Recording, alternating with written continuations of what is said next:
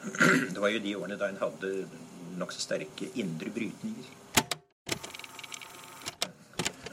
Indre brytninger.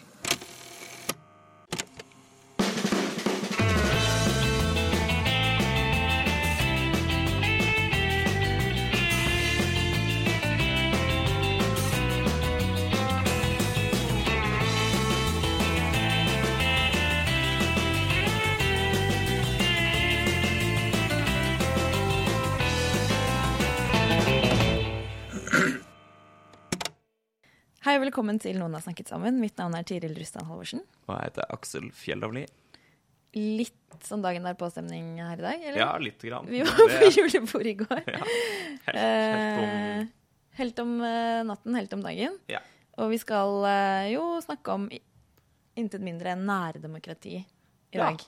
Um, Anne Beate Tvinnereim fra Senterpartiet kommer for å snakke om nærdemokrati. Og vi skal sette, selvfølgelig sette det inn i et EØS-perspektiv.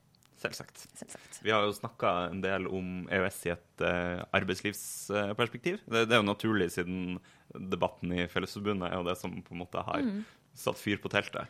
uh, men uh, tradisjonelt så er det jo på en måte dette demokratiargumentet som har vært viktig i den norske E- EØS- og EU-debatten. Så det, det må vi snakke litt mer om. Take back control, som de sa i Storbritannia. Det sa de. Og det kan man jo kanskje i ettertid si at de ikke har gjort. Eh, Det er vel heller mer kaos enn kontroll. Ja, men det skjer jo litt denne uka her, da. Ja, det har skjedd eh, ganske mye, og jeg tror det skal skje enda litt eh, mer, faktisk. Men det skulle jo stemmes over denne avtalen som Theresa May har forhandlet frem i Brussel. Men det skjedde ikke. Hun trakk avstemmingen. Eller man spekulerte litt om det kunne skje, fordi eh, det så ut til at hun skulle tape, da. At den avstemningen skulle bli stemt ned. Og da er det litt sånn Hva har man da? Og det er jo det som er eh, det store spørsmålet nå. Man har Mye har skjedd i regjeringen, men hvis som har forhandlet frem denne avtalen, men hvis den skulle bli nedstemt, så har man på en måte eh, gitt, Da gir man mye makt til parlamentet, for da kan de legge frem hva som helst til avstemming. Ups. Ja, okay. Eh, det eneste sikre man har, er jo denne no deal. Ah. At man ikke har noe. Du bare, ah. bare kutter av båndene. Det er det vel ja, kanskje med unntak av Boris Johnson og noen av de gærningene som vil ha. Eh, men det er på en måte det eneste sikre alternativet man har. Så har man ikke avtalen til May hvis den blir stemt ned. Og så har man en soft brexit, som er en sånn Norge pluss-avtale, som kanskje de som er litt eh, mot brexit, da, helst kanskje Eller er det beste alternativet for dem. Og så har man eh, snakk om et, en ny folkeavstemning. Mm. Som da vil vel føre til enda mer eh, kaos, kanskje. Men så, så man kan da på en måte tolke det at May trakk den avstemninga, som at hun regna med at det ville gå i dass? Ja, Mm. hun regna med det. Og derfor har hun da dratt til eh, litt rundt i Europa, og nå på, er det siste EU-toppmøte før jul, Mm. hvor hun ber om lite grann til for å kanskje kunne overbevise nok folk da, i sitt eget parti, eh, og kanskje til og med i Labour, til å stemme for. Det, for det, er det, som, det, er det, er det vi ikke vet, og vi får eh, se, men det må i hvert fall være en ny avstemning om denne avtalen innen 21. januar eller noe sånt. Så det er jo et salig kaos. Det har vært, hun har vel mista tre brexit-ministre og Nesten som Donald Trump. Uh... nesten Donald Trump-hastighet på de utbyttene. I går, da, i dag er det onsdag, torsdag, i går så var det et uh, mistillitsforslag uh, innad i det konservative partiet mot Theresa May som leder. Så da stemte de om de ville ha henne fortsatt eller ikke. Og da, den vant hun, da, med 200 stemmer mot 117. Men det betyr jo fortsatt at over en tredjedel av hennes eget parti ikke vil ha henne som leder. Eh, men artig nok så har de en sånn regel om at når de har hatt et mistillitsforslag mot en leder, så kan de ikke stille det på nytt på tolv måneder. Så med mindre hun trekker seg, eller parlamentet kaster henne, så er hun lederen i minst et år til. Men eh, jeg så en litt eh, morsom uh, seanse fra, eh, fra Underhuset Ja. Vi, tenker kanskje på den samme. De, har noe som heter The, heter The Golden Maze, Ja. eh, som er basically Det, det er en stokk av gull som på en måte er dronninga. Altså, Det gir det liksom- parlamentet kongelig autoritet. Eller Ja, noe sånt. ja, det er liksom eh, Og parlamentet kan ikke ha møter uten at dronninga er til stede, og dronningens representant av denne stokken av gull, da.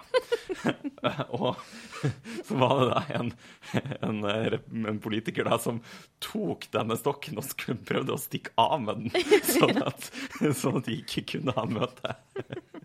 Veldig morsom, morsom seanse. Han, han, ble jo da eh... Stoppet og ekskludert ut ja. dagen, ja. eller noe sånt? Ja. Eh, så bedre lykke neste gang. Det er mye moro i denne brexit-greia, da, om ikke annet. Ja, det er gøy for oss som står litt på utsiden å se på.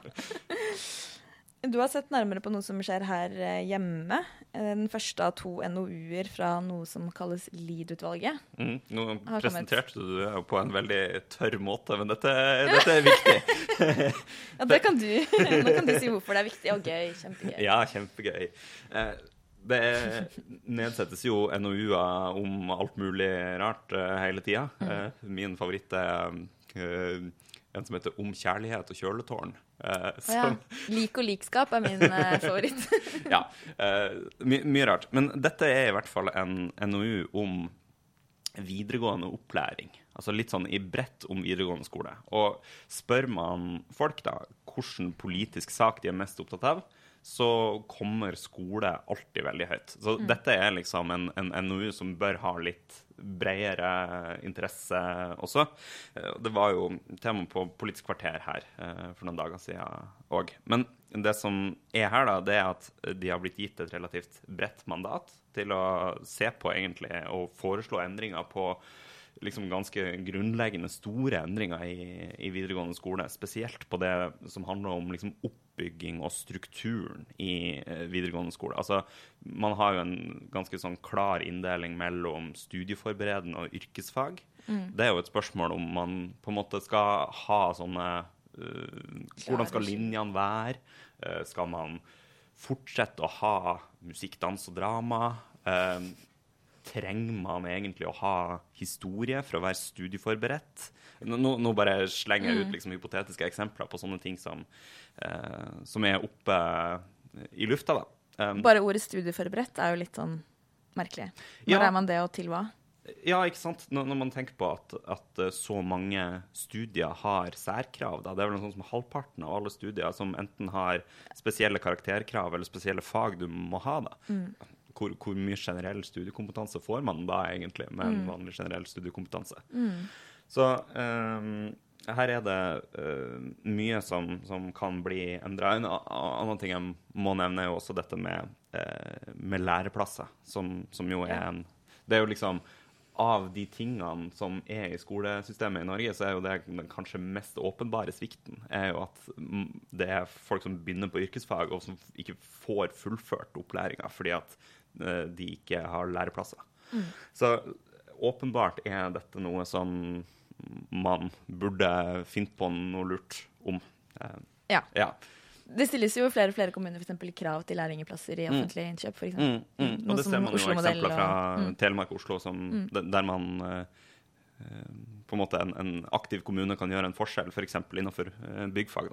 Men, men, uansett, uh, den NOU-en som kom nå, det var en såkalt sånn kunnskapsoppsummering. De, de legger fram to NOU-er. sånn at det er ikke så mye juicy forslag her. De stiller en del Det er derfor det er litt opp i lufta også for meg. Mm. Men de, de stiller en del spørsmål. Eh, som tegna opp liksom, hvor er det debattene står hen. Mm. Uh, og Jan Tore Sanner sa vel noe sånt som at hvis noen skal mene noe eh, kvalifisert om videregående opplæring i årene som kommer, så burde de lese uh, den NOU-en her. For det er en liksom, oppsummering av forskning. De har hatt en del sånn workshops med elever og lærere der de har liksom kasta mm. ut spørsmål og, og forskjellig. Så, det, Lesetips for julen? ja, rett og slett. og så kommer de da med en ny NOU eh, om ei stund, eh, som eh, der de skal være litt mer konkret da, på, på, forslag. Så det kommer nok til å være i tida, året som, som kommer, debatt om skole. da, Og spesielt mm. om struktur. og hvordan skal det bygges opp, hvilke fag skal man ha. Eh, mm. ja, litt mer sånn på grunnleggende nivå om, om, om videregående opplæring. Det Um, så det, det, er absolutt et, eh, et, tips å sjekke ut den, den NOU-en da, hvis man er opptatt av skole. Mm. Det var jo også en sånn artikkel eh, som vi leste og snakka om, at Oslo kommune eh, jo, gjør det ganske dårlig på en sånn eh, skolebidragsindikator. Mm. Ja. Eh, hva er det? Ja, nei, det var jo eh, Altså, Utdanningsdirektoratet måler noe som heter eh, Dette er ikke direkte relatert til denne NOU-en, men likevel litt interessant. Det, det var en, en, mediesak nå denne uka her om, om, at det var store forskjeller mellom videregående skole og eh, mellom uh, ulike fylker osv. Og, så og uh, det Utdanningsdirektoratet gjør, er at de um, måler hvor mye skoler bidrar til læring. Da. Altså ikke hvor, gode, hvor, godt utfallet er for eleven, men hvor mye av det har skolen bidratt til. Mm. Uh, og på den rangeringa så kom skoler i Oslo dårligst ut av alle fylker. Uh, på, uh, på, Videregående nivå. Ja, på yrkesfag. Og på studieforberedende nest dårligst av alle.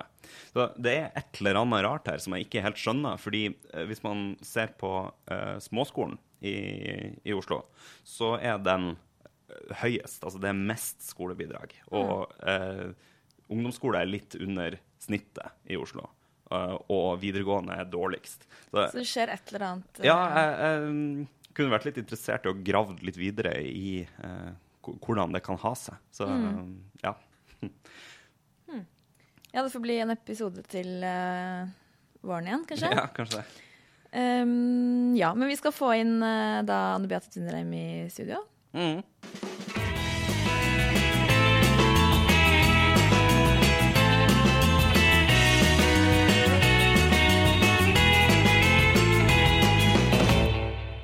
Ja, velkommen til deg, Anne Beate. Takk for at jeg fikk komme. Du er jo nestleder i Senterpartiet, og det er først og fremst derfor du er her i dag. Mm.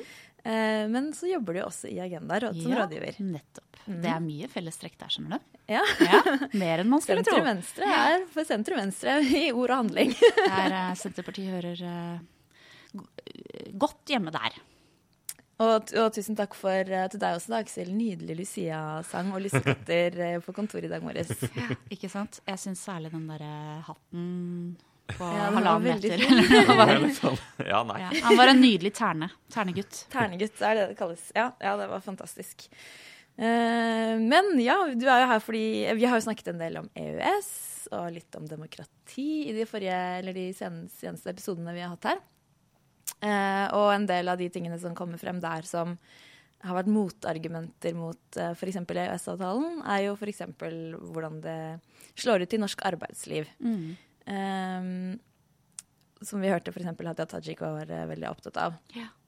Men for mange så handler jo også motstand mot uh, overnasjonalitet og EØS-avtalen om demokrati, eller mm. demokratisk underskudd. Det er jo et mm. argument man hører veldig ofte. Og spesielt da for Senterpartiet er vel dette et viktig Absolutt. argument. Kan du si litt om hvorfor akkurat det med demokrati ja, ja, det kan jeg godt gjøre. Altså, det henger jo sammen. Altså, arbeidsliv Vi mener jo at den uheldige utviklinga på arbeidslivsfronten i Norge skyldes nettopp at ikke vi har uh, ja. større suverenitet i å utforme svarene på de spørsmåla sjøl. Men mm. liksom, det til side, da, så vil jeg nok mene Eller ja, jeg, jeg, jeg, vil si at den viktigste sånn overordna grunnen til at vi er så eh, klare motstandere av både EU-medlemskap og EØS, det er eh, prinsippet om ja, kall det sjølråderett, eller kall det suverenitet, eller ja. Mm. Eh, og det handler um, altså, jeg har lyst til å starte litt med utgangspunkt i EU-debatten. For jeg merker, altså jeg har jo da vært aktiv i den kampen her siden 90-tallet. Og det har ikke alle andre der ute lenger. Det er ikke alle som dere f.eks. husker sikkert ikke EU-debatten. Men det er kanskje litt vanskelig å komme inn og helt skjønne konfliktlinjene i EØS-debatten hvis ikke man mm. har fått med seg EU-debatten. Mm. Fordi um, mye av motstanden mot EU handla jo nettopp om å avgi suverenitet til, eh, til uh, Brussel. Mm. Men EØS-debatten handla veldig mye om det samme på 90-tallet. Uh, og, uh, og, og, og, så er det sånn at um, den når EØS-avtalen ble vedtatt i Stortinget, så diskuterte man veldig mye hva slags voteringsregler man måtte bruke. fordi det er jo strengere regler for at Stortinget skal kunne melde Norge inn i en organisasjon hvis vi avgir suverenitet, ikke sant? Mm. Og da var konklusjonen at vi kan melde, inn, eh, melde Norge inn i EØS-avtalen etter de og de reglene, fordi den er ikke så overnasjonal som EU er. Nei. Og der er det noen av oss er litt uenige.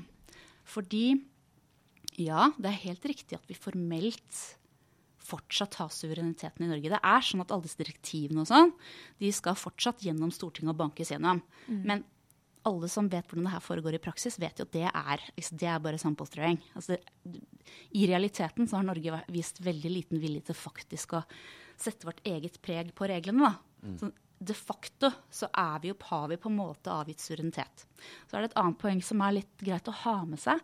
Og det er at når vi forhandla fram EØS-avtalen, så ble det sagt fra regjeringa og i stortingsdebatten at øh, vetoretten Det at vi har framforhandla en vetorett i EØS-avtalen, eller reservasjonsrett som det heter, det, øh, det er den store forskjellen på mm. en EØS-avtale og et EU-medlemskap. For det betyr at vi kan si nei. ikke sant? Mm. Vi har den formelle suvereniteten fortsatt.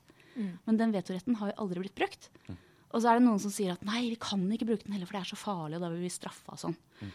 Og da sier vi ja, men da har vi de facto avgitt suverenitet til EØS uten, uh, uten å ha hatt noe egentlig debatt om det, da. Det har liksom bare skjedd. Mm. Um, og så skal vel det liksom, Da må vi en grunnlovsendring til? Det er det det, det, er det, det må. Mm. Så, så, vi føler at vi, altså vi ble lovt en vetorett som ikke har egentlig hatt noen verdi da, i praksis foreløpig. Det kan jo endre seg. Det kommer veldig mange vanskelige saker framover. Og jeg tror kanskje den, uh, det kan bli aktuelt å bruke den. Jernbanepakka, f.eks. Mm. Men, uh, men uh, det er liksom Det er en verkebyll i den debatten her, rett og slett. Men vi jo, har jo suverenitet Eller vi har jo masse internasjonale avtaler Norge er med i. Mm. Både på klima og menneskerettigheter osv. Mm. Er det noe ja, Er det noe bedre, eller, eller er det liksom EØS i seg selv som er vanskelig, eller er det, er det vanskeligere å gi fra seg suverenitet i en sånn handelsavtale, så Nei. omfattende avtale som EØS er? Eller er det på en måte uh, altså Det har ikke nødvendigvis noe med innhold å gjøre, men det handler om hvordan uh, um, Om det er en de facto suverenitetsavståelse eller ikke. Uh, så det vi sier i Senterpartiet, i hvert fall da, det er at EU er noe helt annet fordi den er overnasjonal. Sant? WTO, FN-organisasjoner, andre organisasjoner og avtaler som vi er med i, er ikke overnasjonale. De er internasjonale. Det vil si at det er samarbeid mellom likeverdige stater. Det som skiller EU fra dem, er jo at man de facto overfører suverenitet, sånn at det er og, og da til en kommisjon og et parlament hvor det ikke er nordmenn som har valgt sine ledere. For, for, oss så er det helt grunnleggende et demokrati at vi velger våre ledere, og så skal vi kunne kaste dem hvis de gjør noe dumt. Det prinsippet der, der, avviker EU fra andre organisasjoner. Og så eh, sier vi da at EØS ok, formelt avgir vi ikke suverenitet, men vi mener at sånn som den avtalen har utvikla seg og blitt satt opp, så gjør vi jo det. Eh, og der, og så, så, jeg har jo ofte sagt at vi ble lurt inn i EØS, og det står jeg for. Det er en mm. ganske hard påstand. Men det var eh, altså måten EØS-avtalen har fungert, Eh, var ikke Altså folk ble ikke orientert om det før Stortinget stemte for det. Vi hadde ikke folkeavstemning, eh, og vi ble lovt en hel rekke ting. F.eks. at arbeidslivet ikke skulle påvirkes. Ikke og det har det jo gjort. Mm. Så vi mener at det, det vedtaket som blir gjort å melde oss inn i EØS, rett og slett ikke har legitimitet. Det høres jo nesten ut som at uh, man bare kunne tatt steget helt inn i det europeiske demokratiet, da, EU. Altså, at det er et alternativ, men, ja, men Jeg har respekt for det. Mm. Altså, jeg syns det er mye redeligere enn når jeg debatterer EU og EØS, når det kommer en EU-tilhenger og sier EØS-avtalen er så dårlig at det er bedre at den melder oss inn. Uh, og det, uh, det, det standpunktet har jeg mye mer respekt for enn de som sier at EØS-avtalen er helt ufeilbarlig og dette går så fint. For det gjør ikke det. Um, og så mener jeg at det er andre ting med EU altså Suverenitetsavståelsen er én ting, mm. uh, men, men, at det gir dårligere løsninger, dårligere politiske løsninger som gjør at jeg er EU-motstander. Men for demokratiet så hadde det faktisk vært bedre å være EU-medlem enn EØS-medlem. Men det er uh, aller best å beholde suvereniteten i Stortinget. Mm. Men, men som altså Problemet med EU da er dette liksom nærdemokratiargumentet, mm. at du får en, på en måte strømlinjeforma en, en, løsning som skal passe for liksom hele Europa på en gang, og ikke tilpassa nære forhold. Ja, vi syns det. Og så har jo EU prøvd Altså, EU ser jo det problemet sjøl. Og jeg husker at når vi diskuterte det her på 90-tallet, så hadde EU store planer om um, dette uh, subsidiaritetsprinsippet. ikke sant? At man skulle flytte beslutninger mest mulig ut. Altså mm. desentralisere mest mulig. Men altså, på de uh, noen og 20 åra så har jo ikke akkurat det slått til. Og vi ser jo at uh, det er stor frustrasjon i EU-landene over at beslutninger i Brussel ikke alltid passer ut, altså de som har skoen på. Mm. Så jeg mener at det ja, subsidiaritetsprinsippet som de snakket så fint om i EU, det har ikke funka i praksis. og det ville uansett ikke kunnet gått nok, langt nok for det Senterpartiet vil. Da. For vi vil jo, vi vil jo ha enda mer altså Vi syns jo det er for sentralisert sånn som det er i det norske systemet i dag mm. også. Vi vil jo ha enda mer makt ut til kommunene. Mm. Og det hadde jo vært helt umulig hvis vi var EU-medlemmer. Det er jo litt interessant. Det er jo eh, Jeg vet ikke hvis man kan snakke om at Senterpartiet har eh, i Tyskland. Så det er i hvert fall det tradisjonelle bondepartiet i Tyskland. Det er jo kristen, mm. kristendemokratene. Og det er jo de som har pusha på for subsidiaritet i, mm. eh, i EU, liksom spesielt. da. Men, men i, i, Sverige så har man jo et senterparti som er likt det norske på mange måter, ja. men samtidig så de er ikke Altså, de, de er for EU, rett og slett. Det er litt pussig, det der, altså. Eh, det har vi diskutert eh, mye. Eh, vi har jo et sånt ungdomspolitisk samarbeid også der. Og når, jeg så på, når EU-debatten gikk som, som verst, så hadde jeg mye kontakt med ja, Annie Løfs generasjon da, i mm. svenske Senterpartiet. Og vi skjønte jo aldri hva de dreiv med der borte. For vi er jo helt enige når det gjelder desentralisering, når det gjelder landbruk, når det gjelder distriktspolitikk. Men akkurat på EU så bare Der skjente vi ut til hver vår retning. Mm. Men så og, og, nå skal jeg ikke kritisere på en måte svenske senteren på noe vis. Eh, men jeg vet jo at det var det var en veldig vanskelig debatt internt, og de var veldig delt internt. Og det er de egentlig fortsatt. Mm. Og, og, det er sterke krefter på landsbygd, altså senter, senternbevegelsen på landsbygda i, i, uh, i Sverige som, uh, som, er veldig EU-kritisk, og som var det da også.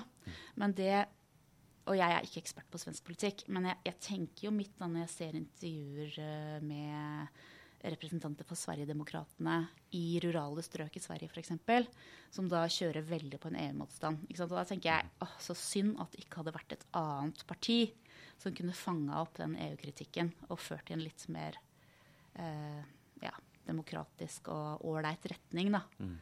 Uh, syns det er innmari synd at Sverigedemokraterna på en måte har fått lov til å boltre seg i det rommet der. Ja, nei, det Interessant. Uh, Mathias har jo eh, skrevet et, et notat om, uh, om, demokrati og tilstand i, i Norge. Uh, og der er jo en av de tingene som han finner der. Han har sett på en del sånn statistikk. Han var her og snakka om det i var det forrige episode. Ja. Jeg tror det. Ja. Eh, på, på, hvordan folk som bor utafor hovedstadsområdet, har opplever ikke demokratiet som like godt da, som, mm. uh, som folk som bor i, i hovedstaden. Mm. Kanskje er det noe med geografisk avstand i seg sjøl, på en mm. måte, mm. som, som, gjør det? Ja, jeg tror det. Og, og jeg syns jo de tallene hans var skremmende. Altså, de var verre enn jeg hadde trodd. Og det burde være en vekke for alle, tenker jeg. at Jo lenger du kommer på en måte fra maktens kjerne, sånn rent geografisk, lavere er på en måte tilliten til de som styrer. Eh, vi vet hva som kan skje når den tilliten blir brutt. Eh, eller for, for, for svakt, da. Eh, men, men altså, tenk bare på hvor, hvordan vi har innretta eh, valglovene her i, i, landet. Det er en grunn til at man i sin tid forfordelte Finnmark. At Finnmark fikk Det er færre eh, finnmarkinger bak hvert stortingsrepresentant enn det er i Oslo og Akershus. ikke sant? Og så skjønner jeg at det kan oppleves litt sånn urettferdig hvis du bor i Oslo og Akershus. Men det er jo nettopp uttrykk for at man har skjønt det her at jo lenger unna du sitter, jo vanskeligere er det å påvirke. Eh, og det eh, Jeg tror ikke at den avstanden kan oppveies ved at vi får eh, fly og internett og bredbånd og, og telefon og sånn. Det er noe med at man um, uh, har en annen hverdag når man sitter så langt unna. Altså Det er vanskeligere å påvirke, det er én ting, men det har også å gjøre med at de som sitter på Stortinget, den hverdagen de lever i, det er her på det sentrale Østland. Det, de opplever Altså stortingsrepresentantene de bor, de bor, rundt her, og de opplever hver dag kanskje togkaos og uh, trafikkproblemer og Eh, problem, altså helsekøer og sånne ting. Men det er kanskje problemet noe helt annet i Sogn og Fjordane og Finnmark. Men de er jo valgt derfra, da? Har de, glemmer de veldig nei, fort? Nei, nei, nei, men poenget er at det må kompenseres, ikke sant? Ved at, uh, ved at de får en, et større gjennomslag. At de får flere som taler sin sak. Jeg skjønner. Uh, og det uh, fordi, fordi um, hverdagen, hverdagen preger tanker og prioriteringer. Og det, det, er det litt lett å glemme da, når du sitter sentralt, tror jeg. Og jeg, eh, jeg, tror det er viktig at vi skjønner den frustrasjonen som da kan oppstå. ikke sant? Når Stortinget gjør et eller annet vedtak, og så viser det seg at det ikke egner seg i Båtsfjord. ikke sant? Det her er bare, det her er ikke relevant eller rasjonelt i vår hverdag. Um, og det er da da Senterpartiet mener at ok, kanskje noen av disse beslutningene heller skal fattes i fylkestinget eller kommunestyret istedenfor mm. på Stortinget. Kanskje det er mer rasjonelt. Men man kommer jo også opp i noen dilemmaer, da, ikke sant? Fordi sentrum, hvis man skal bruke en sånn uh, betegnelse på Oslo, må jo, må jo på ha noe mm. makt. Mm. Eh, for eksempel uh, klima, utjevning uh, kan ha, være noen sånne eksempler hvor Aksel har jo skrevet en artikkel i Agenda Magasin om hvor store forskjeller det er um, uh, på skolen. Nei. Blant annet skole, ja. men, men, altså skole, barnevern, mm, mm. Uh, kulturtilbud, altså alle sånne ting som uh, er, er tilbud for barn. Ja. det er basert på en, en Unicef-rapport. Og når mm. det handler om barn, så blir det liksom følte jeg i hvert fall, det blir så satt på spissen, ja, akkurat det, det dilemmaet der. da, fordi at da føler man nesten sånn emosjonelt at her er, ja, det er jo Dette viktig at barn ja. får et like godt tilbud overalt. Ja. Uh, men samtidig, hva gjør vi da med kommunens ja, sjølråderett? Det er det store. Det er tusendollarsspørsmålet. Og det har vi bala med internt i Senterpartiet så lenge jeg har vært medlem, og det begynner å bli noen tiår. Uh, det er rett og slett en evig balansegang mellom å desentralisere makt og sikre likhet, like tilbud. Mm. mm. For det er klart det at hvis vi sier OK, dere lager løsningen lokalt, så blir løsningene forskjellige. Og hvordan skal vi sørge for at folk får et like godt tilbud, selv om tilbudet er forskjellig? Der tror jeg vi aldri kommer i mål. Men jeg tror det er litt forskjell på hvilke ting som egner seg og ikke egner seg.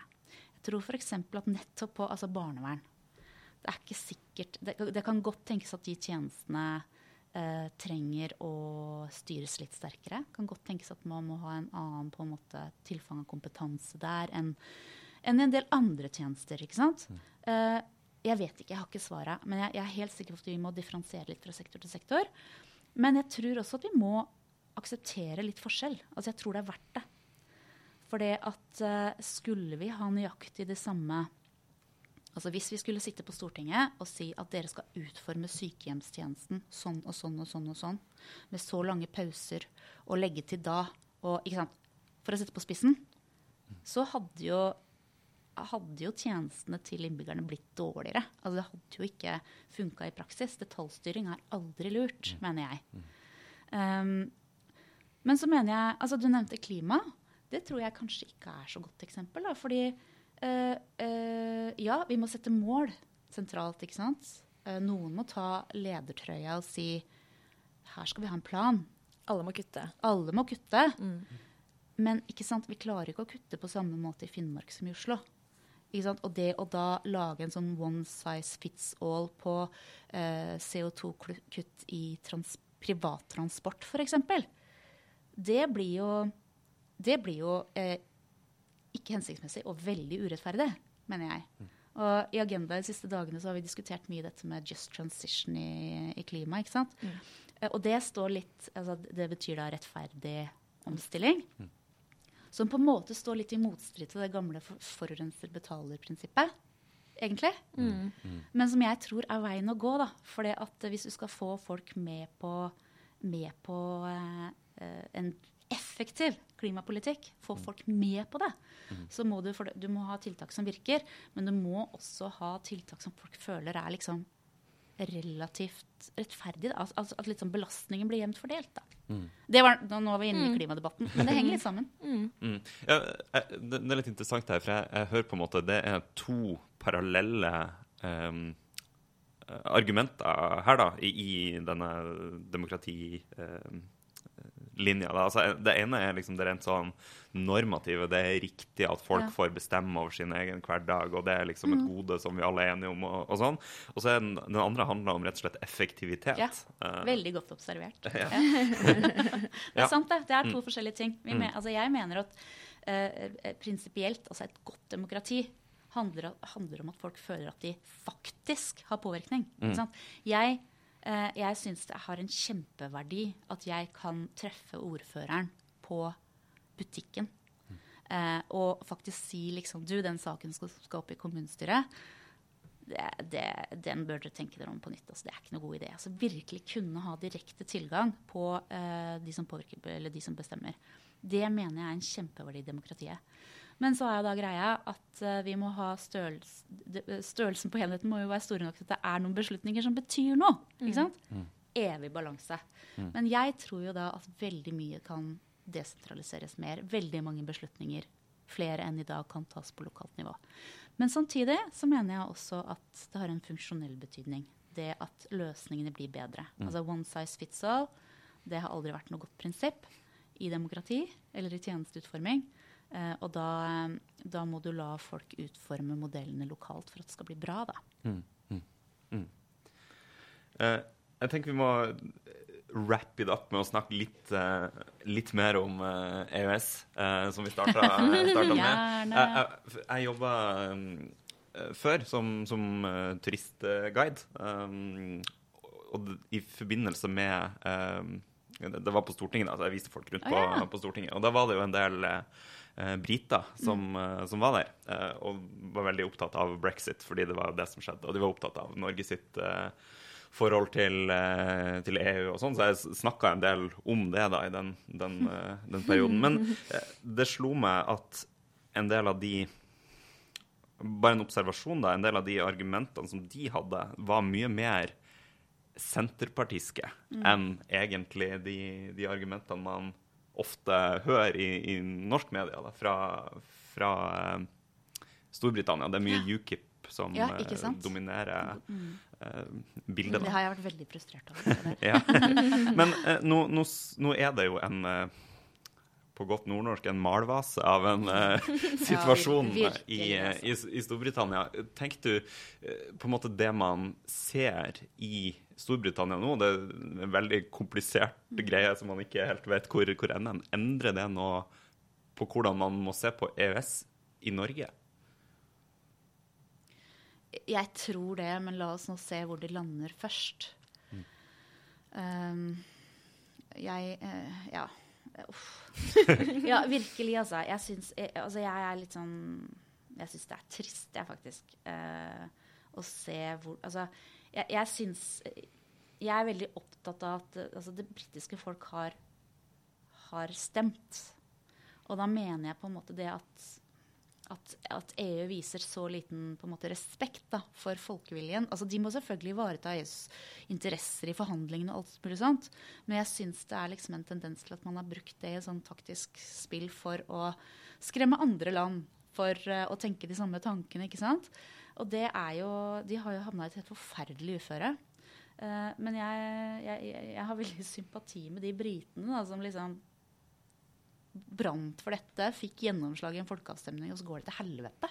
Altså, men jeg, altså, jeg, tør ikke å spå om det her, men jeg er overbevist om at når da vi ser hva ja, enden på visa med Storbritannia, så kommer det til å påvirke EØS. Det kommer til å mm. påvirke debatten i EØS-landene også. Mm. Eh, jeg hadde jo håpa at det skulle gi oss noen flere handlingsalternativer, men nå, nå får vi bare vente og se. Ja, for det, det, det var jo Trygve Slagsvold Vedum, husker jeg jo mm. på et nyhetsoppslag for lenge siden, så mm. husker jeg han snakka om det, blant annet at eh, mm. liksom hvis hva hvis Storbritannia skulle gå inn i EØS, eller eh? mm, Ja, ja det, det, er det jo delte meninger om, om det hadde vært hensiktsmessig eller ikke. Mm. Jeg tror jo det hadde vært spennende, for det hadde jo vært et, en helt annen slagkraft. På den annen side så er det ikke tvil om at Storbritannia og Norge har veldig ulike interesser i en del felt, ikke minst arbeidsliv. ikke sant? Vi er jo på en helt annen planet. Så, så, det er vanskelig å si. Men så skal vi huske at det er andre EØS-land også. Mm. Eh, altså Island, f.eks. De har jo turt å være mye krassere eh, i, i, relasjon til Brussel enn det vi ofte har turt. ikke sant? Eh, vi er mye kjappere med å vedta direktiver og legge oss langflate enn det islendingene er. Så, så, det er en dynamikk i de andre landene også som kommer til å bli påvirka når vi ser hva britene ender opp med. Mm. Ja. Men det var ganske morsomt i brexit-debatten, fordi jeg fikk utrolig mange henvendelser fra britisk media og fra vanlige briter som var veldig nysgjerrig på, på Norge og vårt forhold. Uh, og da prøvde jeg å reklamere så godt jeg kunne. Selv om jeg er EØS-motstander, så sa jeg at det er i hvert fall bedre enn EU-medlemskap. ja, det er jo litt morsomt at the Norway option liksom har blitt et sånn begrep man ja. snakker om. det er ganske absurd. Ja. Mm. Men som en veldig soft brexit, da, så det sier jo kanskje litt også om hvor sterk til, til, til, tilknytningen er. Ja, det, det, har du rett i. Mm. Uh, ja, nei, men uh, det var veldig fint at du tok turen hit. Kanskje vet noe mer om brexit, eller jeg vet ikke. ja, ja nei, men det blir spennende. Ja. Tusen takk for at du kom. Takk for at jeg kom.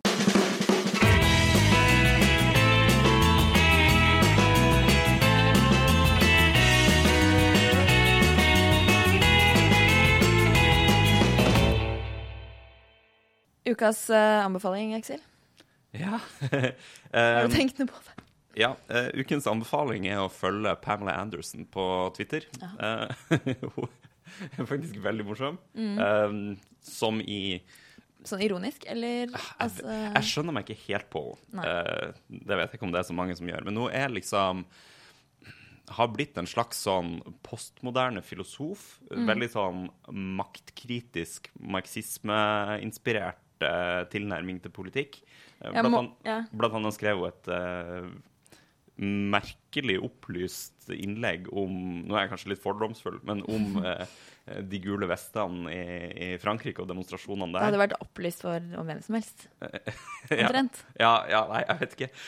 men så har hun også en, en tweet her, her, om dagen der hun skriver Melanchon vil ha Frankrike ut av EU! utropstegn hans venstreorienterte nasjonalisme er ikke veldig hjelpsom.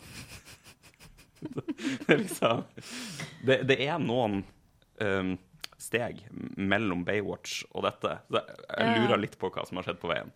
Men, ja, ja, Morgenbladet skrev um, når den frie verden ledes av en reality-kjendis, er det bare passende at den politiske filosofien drives fremover av en tidligere Baywatch-stjerne. Så det er noe som skjer, ja. uh, ja. Um, fra et orakel til et annet. Vi har jo en sånn eh, feministisk leseliste, eller Agenda Magasin har hatt en feministisk leseliste denne høsten, og som har blitt lagt ut eh, som podkast. Anbefaler alle å høre på den. Og det vil bli mer eh, til våren. De skal bl.a. ha nærlesing av Jordan Peterson. Mm. Mm, det kan bli veldig spennende, tror jeg. Eh, også legges ut uh, som podkast. Mm. Um, det nærmer seg jul med stormskritt, men vi tenkte vi skulle ha en episode til før vi går ut av 2018. Mm. Uh, en liten oppsummering kanskje da av året mm. som har gått. Det skal vi ha. Ja. Så, bare å glede seg til. Det er bare å glede seg til. OK. Da snakkes vi, da. Yes. Ha det bra.